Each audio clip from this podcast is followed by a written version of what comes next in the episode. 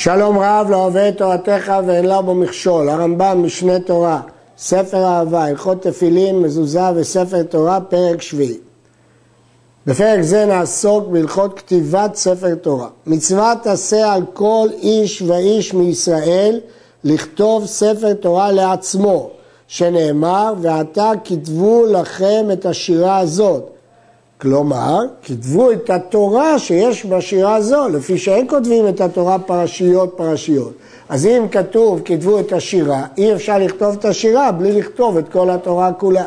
ואף על פי שהניחו לו אבותיו, למרות שהניחו לו לאדם אבותיו אה, ספר תורה, הרי גם הם כתבו ספר תורה, מצווה לכתוב משלו, ואם כתבו בידו, הרי הוא כאילו קיבלו מסיני. ואם אינו יודע לכתוב, אחרים כותבים לו. וכל המגיע בספר תורה אפילו אות אחת, הרי זה כאילו כתבו כולו. כל זה גמרא בסנהדרין, אמר רבא, אף על פי שהניחו לו אבותיו ספר תורה לאדם מצווה לכתוב משלו, שנאמר ועתה כתבו לכם את השירה. אבל הרמב"ם לא מסביר שהשירה זאת התורה. השירה זה שירת האזינו, אבל אי אפשר לכתוב את התורה פרשיות, סימן שצריך לכתוב את כל התורה. בספר המצוות כותב הרמב"ם שנשים פטורות מהמצווה הזאת, וייתכן שלזה רומז פה על כל איש ואיש למעט אישה. עוד יש להעיר שהראש כותב שבזמן הזה מצוות עשה לכתוב חומשים, משנה וגמרא עם פירושים להגות בהם הוא ובניו. מסביר הגאון מווילנה שעיקר הכתיבה היא כדי ללמוד, כמו שכתוב, כתבו את השירה הזאת ולמדה את בני ישראל. ובימיהם לא כתבו אלא תורה שבכתב, אבל בימינו שכותבים גם תורה שבעל פה, המצווה היא על תורה שבעל פה. כך מסביר הגאון לה את שיטת הראש. אבל שיטת הרמב"ם לא כך, אלא שגם בזמן הזה כל איש ואיש, אם הוא יודע לכתוב, מצווה לכתוב בעצמו, ואם לא, להזמין ספר תורה מאחרים, או להגיע בספר תורה אפילו אות אחת. המלך מצווה לכתוב ספר תורה אחר לעצמו, לשם המלך, יתר על ספר שהיה לו כשהוא ידיעות, שנאמר, והיה כשבטו על כיסא ממלכתו וכתב לו. המשך הפסוק, את משנה התורה הזאת הספר מלפני הכהנים הלוויים. מסביר הרמב"ם, מה זה משנה התורה? ספר שני, לעצמו. יש במסעד הגאון שהספר השני הוא כדי לקרוא בו בפרשת הקהל. הרמב"ם פירש שמכאן שמלך כותב לעצמו עוד ספר תורה. ומגיעים אותו מספר האזהרה על פי בית דין הגדול. זה שהיה לו כשהוא אדיוט, מניחו בבית גנזיו. וזה שכתב או שנכתב לו אחר שמלך, יהיה עמו תמיד. אם יצא למלחמה ספר תורה זה עמו. נכנס והוא עמו. יושב בית דין והוא עמו. מסב והוא כנגדו. שאמר והייתה עמו וקרא בו כל ימי חייו. זאת לשון המשנה בסנהדרין, כותב ספר תורה לשמו, יוצא למלחמה, יוצא עמו, יושב בדין עמו, מסבי כנגדו. והגמרא אומרת, וכתב לו משנה התורה, כותב לשמו שתי תורות, אחת מונחת בבית גנזיו, ואחת שיוצאת ונכנסת עמו בדיוק כלשון הרמב"ם. אלא שהגמרא מוסיפה, עושה אותה כמין קמע ותולה בזרועו. הרמב"ם השמיט את המשפט הזה כמין קמע ותולה בזרועו. שאר דברי הברייתא הוא הביא מילה במילה. לא היה לו ספר תורה לעצמו קודם שימלוך, צריך לכתוב אחר שמלך שני ספרי תורה. אחת מניחו בבית גנזיו, והשני עמו תמיד לא אסור מעמו אלא בלילה, או כשייכנס למרחץ או לבית הכיסא, או לישן על מיטתו. ספר תורה שכתבו שלא בשרטוט, שרטוט זה כאשר עושים פסים על הקלף, בסרגל, או שכתב מקצתו על הגביל ומקצתו על הקלף, פסול, אלא או כולו על הגביל או כולו על הקלף. הסברנו כבר כשהגביל זה האור העבה, הקלף זה כשחוצים את הגביל לשניים, כפי שדיברנו באריכות בתחילת ההלכות הללו. שרטוט בגמרא מגילה צריכה שרטוט כאמיתה של תורה, ובירושלמי מגילה הלכה למשה מסיני שכאילו כותבים בדיו מסורגל, כלומר מסורטט. ועוד בירושלמי במגילה לא יכתוב חציו על קלף וחציו על עור, גביל, זה דעת הרמב"ם פה. וכיצד כותבים ספר תורה? כותב כתיבה מתוקנת, נאה ביותר. כתוב בגמרא בשבת, תתנהל לפניו במצוות. ספר תורה נאה, בדיון נאה, בקולמוס נאה, בלבלר אומן. יניח בין כל תיבה לתיבה כמלוא אות קטנה. ובין כל שיטה ושיטה, כלומר בין שורה לשורה, כמלוא שיטה. ואורך כל שיטה ושיטה, שלושים אותיות כדי לכתוב למשפחותיכם, למשפחותיכם, למשפחותיכם, שלושה פעמים. וזהו רוחב כל דף ודף. ולא תהיה השיטה קצרה מזה, כדי שלא יהיה הדף כאיגרת. ולא ארוכה יותר על זה, כדי שלא יהיה עיניו משוטטות בכתב. לא ימעט את הכתב מפני הרווח שיש בין פרשה לפרשה. הזדמנה לו תיבה בת חמש אותיות, לא יכתוב שניים בתוך הדף ושלוש חוץ לדף, אלא כותב שלוש בתוך הדף ושתיים חוץ לדף. לא נשאר מן השיטה כדי לכתוב שלוש אותיות, מתחיל, מניח המקום פנוי ומתחיל מתחילת השיטה. כלומר, תיבה שלמה אף פעם אסור לכתוב מחוץ לדף, אפילו שהיא של שתי אותיות. אבל תיבה גדולה מותר לכתוב ממנה שתי אותיות מחוץ לדף ושלוש בתוך הדף, אבל לא להפך. אז אם כן תיבה בת שבע אותיות, אפילו שהרוב בתוך הדף יהיה אסור, כי אי אפשר לכתוב בחוץ יותר משתי אותיות. נזדמנה לו תיבה בת שתי אותיות, לא יזרק אלא בין הדפים, אלא יחזור לתחילת השיטה. נזדמנה לו בסוף השיטה תיבה בת עשר אותיות, או פחות או יותר, ולא נשאר מן השיטה כדי לכתוב את כולה בתוך הדף, אם יכול לכתוב חצייה בתוך הדף, חצייה חוץ לדף קודם, ואם לאו, מניח המקום פנוי ומתחיל בתחילת השיטה. הוא מניח בין כל חומש וחומש ארבע שיטין פנויות בלא כתיבה, לא פחות ולא יותר, רווח של ארבע שורות. ויתחיל החומש מתחילת שיטה חמישית, וכשיגמור התורה צריך שיגמור באמצע השיטה שבסוף הדף. ואם נשאר מן הדף שיטים הרבה, מקצר ועולה ויתחיל משתחילת השיטה ולא יגמור את השיטה, הוא מתכוון עד שיהיה לעיני כל ישראל באמצע השיטה בסוף הדף. כך הגמרא במנחות שלעיני כל ישראל באמצע השורה בסוף הדף. וייזהר באותיות הגדולות ובאותיות הקטנות, לפי המסורת, ובאותיות הנקודות, ובאותיות שצורתן משונות, כגון הפעין הלפופות, והאותיות העקומות כמו שהעתיקו הסופרים איש מפי איש. וייזהר בתגים ובמניינם, יש אות שיש עליה תג אחד, ויש אות שיש עליה שבעה, וכל התגים כצורת זין הן, דקים כחוט השערה. כל הדברים הללו לא נאמרו אלא למצווה מן המובחר. ואם שינה בתיקון זה, או שלא דקדק בתגים וכתב האותיות כולם כתקנן, או שקרב את השיטים, או הרחיקם, או האריך בהם, או קצרם, הואיל ולא הדביק אות לאות, ולא חיסר, ולא הותיר, ולא הפסיד צורת אות אחת, ולא שינה בפתוחות ובסתומות, הרי זה ספר כשר. אם הוא כתב את האותיות כתקנן, ו... לא הדביק בהם ולא חיסר ולא התיר ולא הפסיד צרורת האותיות ולא שינה בפתוחות ובסתומות, הספר כשר.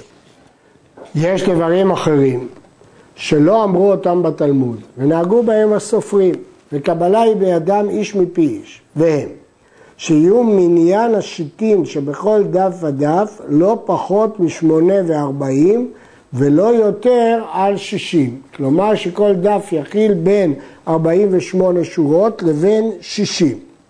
במסכת סופרים, פרק ב' הלכה ו', כתוב מ"ח שיטין כנגד המסעות, או 60 כנגד ריבועות ישראל, או 72 כנגד הזקנים, או 98 כנגד קללות. הרמב"ם כותב שהמנהג הוא מ-8 עד 60.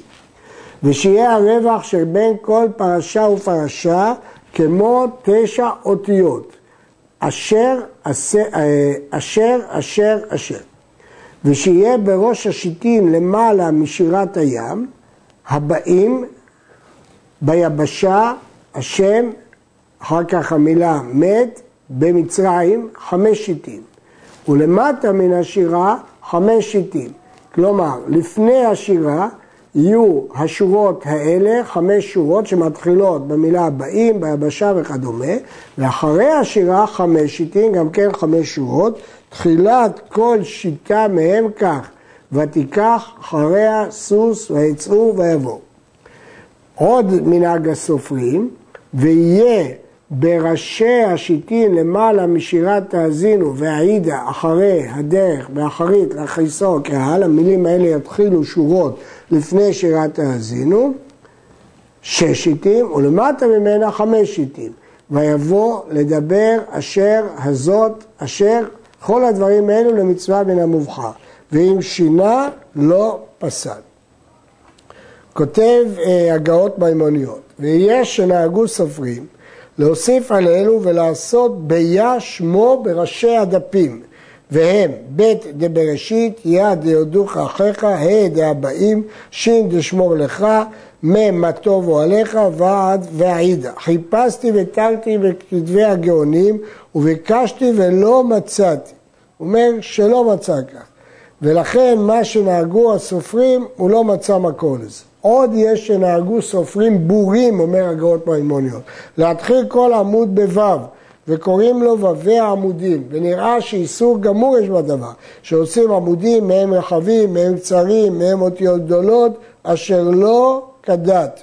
וכן כתב רבו, לא נכון בעיניי, ואינו לא מדברי תורה ולא מדברי סופרים. ואילו היה לי לכתוב ספר תורה, הייתי נזהר שלא להיות שום עמוד מתחיל בו', חוץ מהעיד הבם, שדיברנו על זה קודם.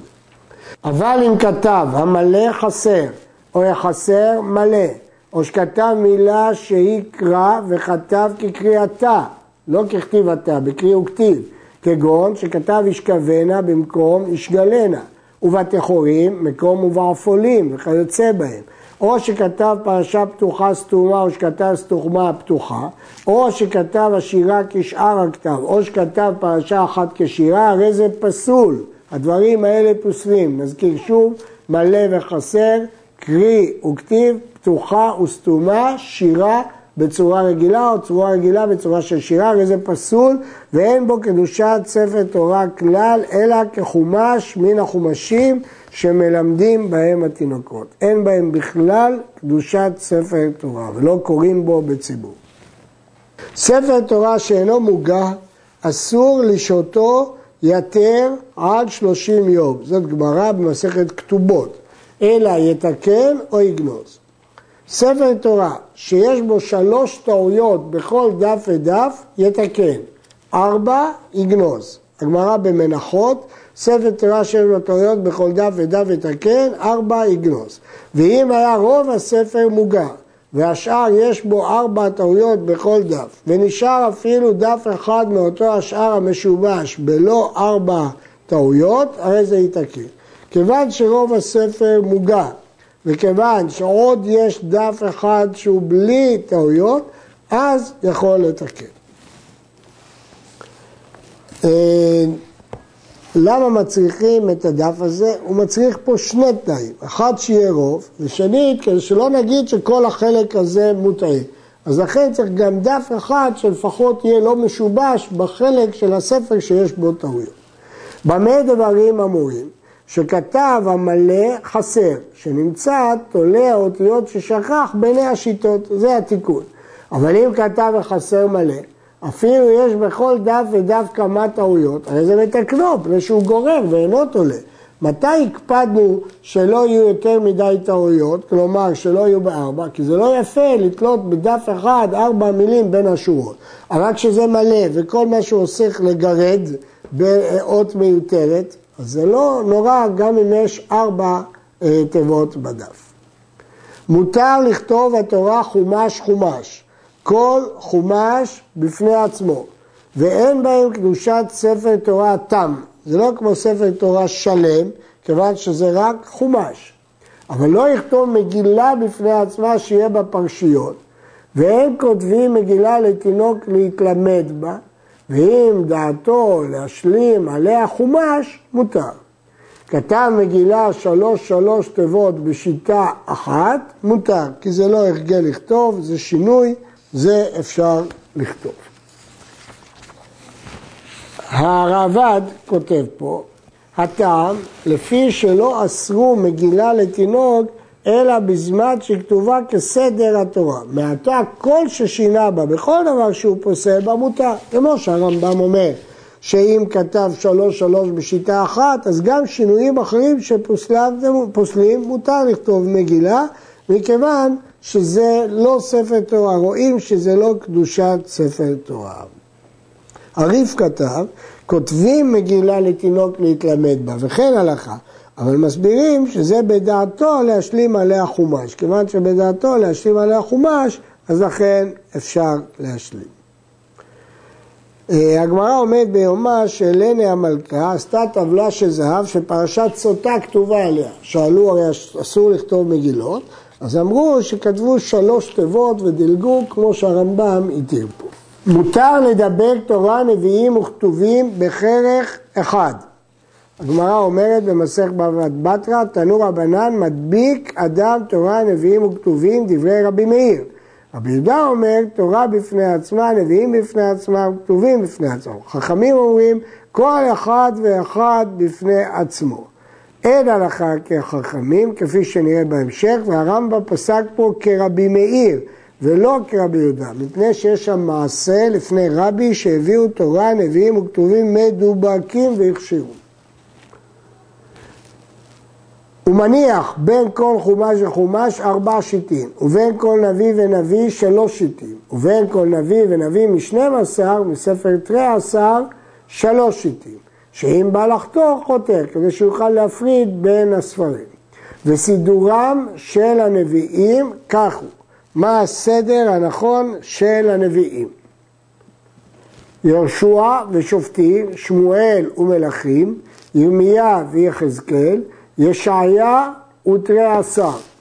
אם כן, שימו לב לרצף שמתואר פה, קשור לרצף של החורבן. מלכים וירמיה ויחזקאל קשורים לחורבן הבית ולנחמה על חורבן הבית, ואחר כך ישעיה, שאומנם הוא חי לפני ירמיה ויחזקאל, אבל הכניסו אותו במקום הזה כי הוא, הגמרא אומרת, מלכים ספר דחורבנה, ירמיה כולה חורבנה, יחזקאל רשע חורבנה וספר נחמתה וישעיה כולה נחמה. סמכים חורבן לחורבן ונחמה לנחמה.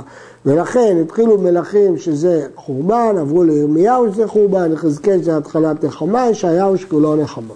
ותרי עשה.